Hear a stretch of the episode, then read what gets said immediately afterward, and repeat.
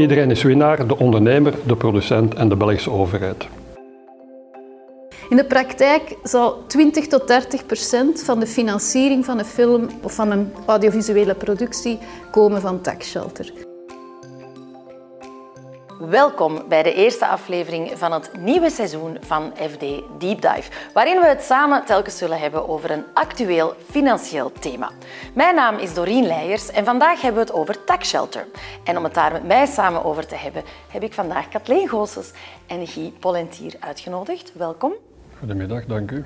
Mag ik jullie vragen om jullie even kort zelf voor te stellen? Kathleen. Dus ik ben Kathleen Goossens, ik ben filmproducent. Ik heb mijn eigen productiehuis, uh, Bulletproof Cupid. En wij maken vooral fictieprojecten, langspeelfilm, documentaires, series, kortfilms. Oké.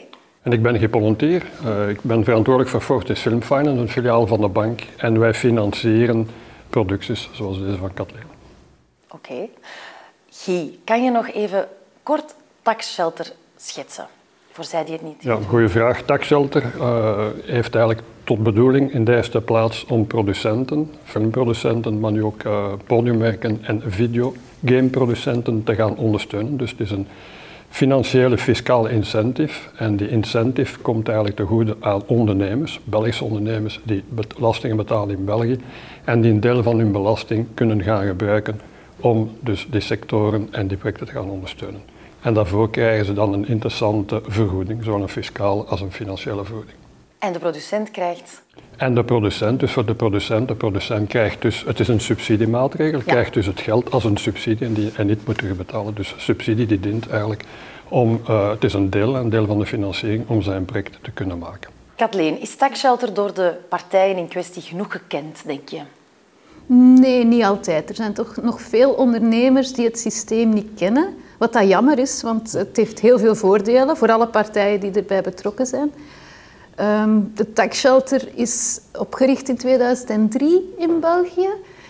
Maar daar waren toen wel een aantal grijze zones en een paar achterpoortjes nog in dat systeem, waar dat misbruik van gemaakt geweest is. En dat is toen ook negatief in de pers gekomen, wat dat heel jammer is natuurlijk. Het heeft er wel toe geleid dat we geëvolueerd zijn naar een soort tax shelter 2.0. In 2015 is die opgericht geweest en die heeft al die achterdeurtjes en, en grijze zones proberen uh, vermijden. Ja, ja. Die zijn er nu uit, waardoor het systeem ook een stuk betrouwbaarder geworden is. Dus het is ook fiscaal betrouwbaarder, Guy? Ja, inderdaad. Eh, de term taxgeld, zeker in onze huidige fiscale ethiek en deontologie, lijkt een beetje vreemd. Eh, veel mensen beginnen dan hun wenkbrauw te fronsen. Maar het is een volledig fiscaal veilig systeem. Het is dus een systeem die uitgedacht is, zoals je zegt, in 2002, 2003 door de Belgische federale overheid. Om dus net die dubbele ondersteuning te kunnen geven. Waarom zou volgens jou een ondernemer daar beroep moeten op doen? Wel in de eerste plaats natuurlijk uit sympathie voor de sector. Hij is ondernemer, de producenten zijn ook ondernemers, dus sowieso om de sector te ondersteunen. Maar voor hem zelf ook, want elk ondernemer die voldoende belastbare winst heeft, zal belasting moeten betalen. Wel, die maatregel laat toe dat de, sorry, dat de ondernemer een deel van zijn belastingen kan gebruiken, dus op een fiscaal vriendelijke manier, om net die producent te ondersteunen. En zoals gezegd krijgt hij daar een serieuze fiscale en ook een financiële vergoeding voor. Mm Kathleen, jij bent dus filmproducent. Kan je even kort toelichten wat een filmproducent juist doet? Want ook dat is misschien niet genoeg gekend. Ja, nou, in het kort ik ben verantwoordelijk voor de opstart van het project tot en met de afwerking en de distributie. Ik ben eigenlijk verantwoordelijk voor alles. Bijvoorbeeld bij het maken van een serie. Ja. ja. ja. Nu, hoe dat het project tot bij mij komt, dat kan op verschillende manieren. Soms is er een regisseur of een scenarist die met een idee rondloopt, of al met een volledig afgewerkt scenario en daarmee naar mij komt, die een producent zoekt. Maar het project waarop ik nu bijvoorbeeld aan het werken ben, dat heb ik zelf opgestart. Ik heb de filmrechten gekocht op een van mijn lievelingsboeken. En dan ben ik zelf gaan zoeken naar de juiste scenarist en regisseur. Hasse Simons, dochter van Thea Beckman. Oké, goeie. Oké. Dus dan ben ik zelf gaan zoeken naar de juiste scenarist en regisseur om daaraan te verbinden. Dus dan ben je echt wel ook zelf degene die het aanbrengt en dan degene die het uitvoert. Ja. Maar dus als filmproducent ben je voor alles verantwoordelijk. Ja. Um, maar dat vraagt ook een soort skillset die heel breed gaat. Ik heb bijvoorbeeld handelswetenschappen gestudeerd. Maar ik heb ook altijd heel veel ver, uh, gelezen. Ik heb heel, altijd heel veel met verhalen bezig geweest. Mm.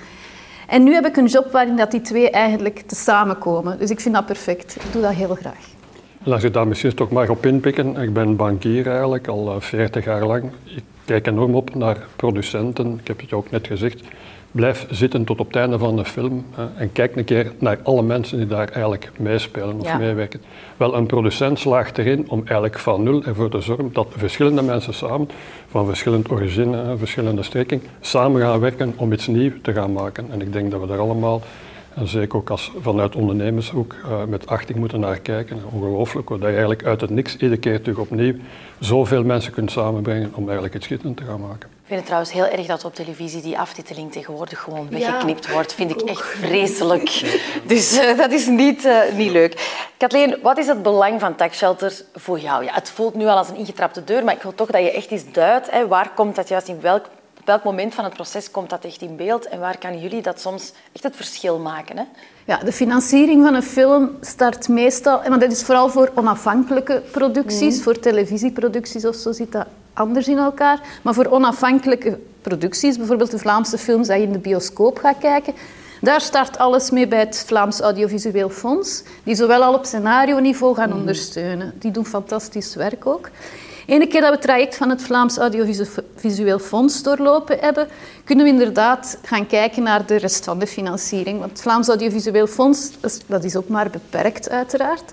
En dan komen we uiteraard uit bij, bij tax-shelter-investering. Maar daar moeten we ook rekening houden met een aantal plafonds die in de wetgeving zijn vastgelegd. Bijvoorbeeld 50, maximum 50% van de productiekosten in België kunnen gefinancierd worden door tax-shelter.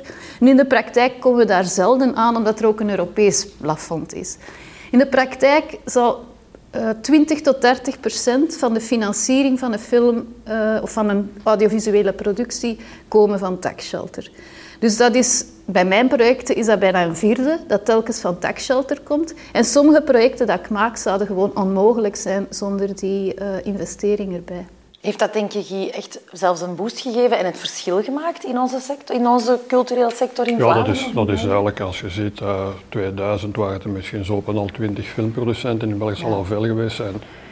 Ja, die af en toe is een Belgische film. Als je nu ziet, eigenlijk sinds 2003, hoeveel internationale erkenningen de Belgische film heeft gehad, hoeveel buitenlandse producenten ook naar België gaan komen kijken. Dus de Belgische film gaat naar Hollywood en dan kennen ze de Belgische wafels, Belgische chocolade, Belgium beer, maar ook de Belgian film. Dus zeker en vast. En dat is een succesverhaal. De taxgeld is een succesverhaal voor de sector. Ja, het is ook een heel grote economische hefboom geweest. Want buitenlandse ploegen komen nu in België draaien, ja. omwille van de taxshelter, maar zij geven hier veel meer uit. Dus dat heeft de, de economie en, en, de audiovisuele economie ook een heel een grote boost gegeven. dat is uiteraard wel een voorwaarde, hè, We gaan het er nog over hebben, maar dat je dan ook wel een deel van je Dat is essentieel. En dus eigenlijk, uh, we hebben gesproken van de, de producent, van de ondernemer, maar er is daar nog een derde partij, dat is de overheid. De overheid is geen Sinterklaas en de overheid heeft dat toegelaten om die incentive te geven op één voorwaarde, dat het inkomsten gaat genereren voor de Belgische schatkist. Rechtstreeks, omdat eigenlijk er uitgaven in België moeten gedaan worden die belast worden, maar er rechtstreeks, zoals Kathleen zegt, eh, een uh, vreemde filmploeg komt gedurende zes maanden bijvoorbeeld in Brugge zich vestigen. Ja, mevrouw de actrice gaat eens een handtas kopen, ze moeten gaan eten, ze moeten gaan overnachten. Ze moeten misschien ook eens een apotheek lopen af en toe. Dus er worden zeer veel ook onrechtstreeks uitgaven gedaan. En je ziet inderdaad dat dat terugverdieneffect voor de Belgische schatkist of de lokale schatkist wel belangrijk is. Dus er zijn drie partijen in dit Er zijn dus inderdaad drie partijen betrokken die alle drie, en dat is eigenlijk uniek aan zo'n subsidiesysteem, normaal kun je gewoon subsidiëren en de enige winnende partij is dan degene die de subsidie krijgt, de rest is verliezende partij, maar iedereen winnaar hier. De mhm. ondernemer die eigenlijk geld gaat toesteken aan de producent, de producent die dat gratis krijgt en de overheid die daarvoor een return ziet. Maar het gaat niet alleen over de filmsector. Inderdaad, het, gaat, uh, het is met filmsector begonnen. In 2002 ook in het kader van de Europese mediarichtlijn. Dus zij moeten toch de Europese film ondersteunen. Dat in eigenlijk 2017, 2018 zijn podiummerken daarbij gekomen. Dus denk maar aan musicals, uh, denk maar aan klassieke muziek en klassieke concerten, theater.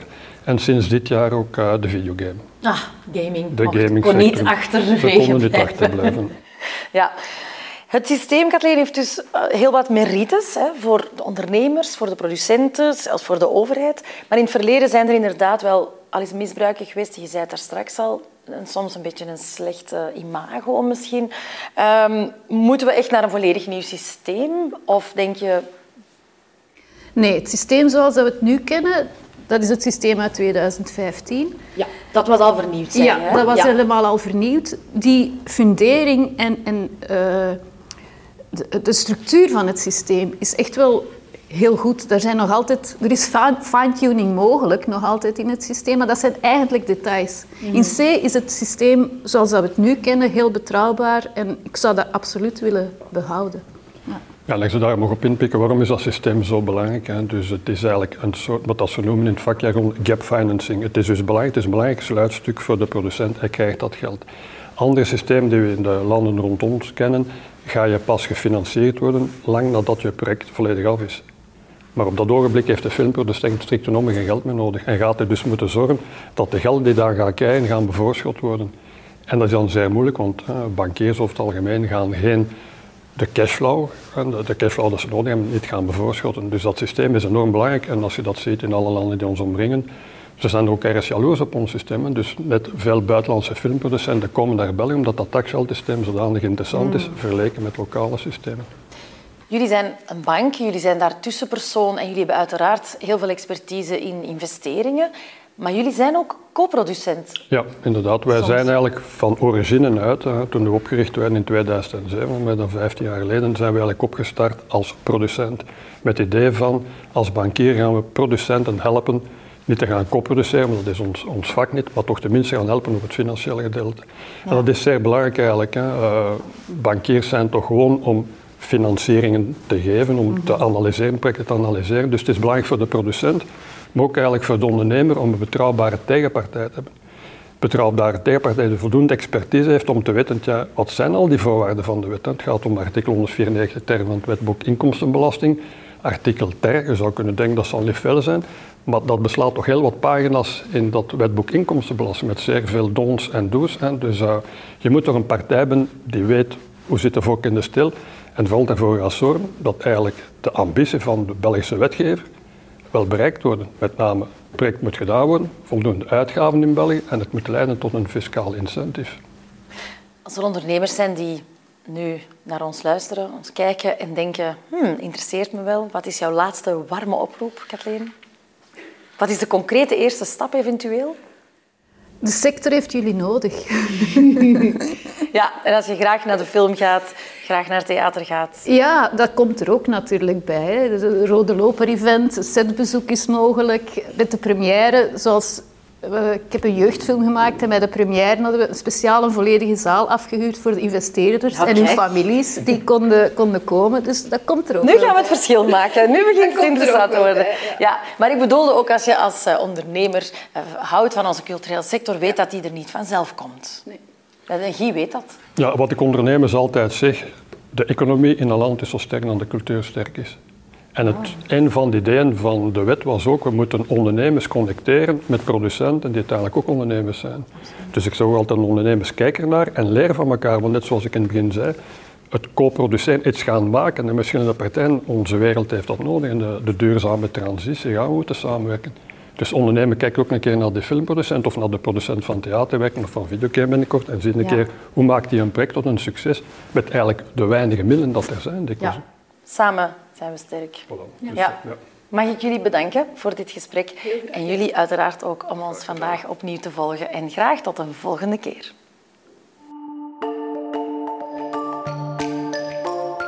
Op uw vraag waarom zal een ondernemer moeten doen, ja, voor mij is het heel simpel. Hè. Ofwel doe je niks en betaal je belastingen, ofwel zeg ik ga toch uit sympathie voor de culturele sector en van het ondersteunen, want het zijn ook ondernemers. En ik moet dat niet doen als een soort mecenas, want je kunt het ook doen vanuit een mecenaat. En er zijn wel een aantal ondernemers die vanuit mecenaat gaan zeggen, hier, wel ik geld of product placement. Maar eerder door het feit dat je geld geeft, ga je zelf eigenlijk een serieus voordeel krijgen.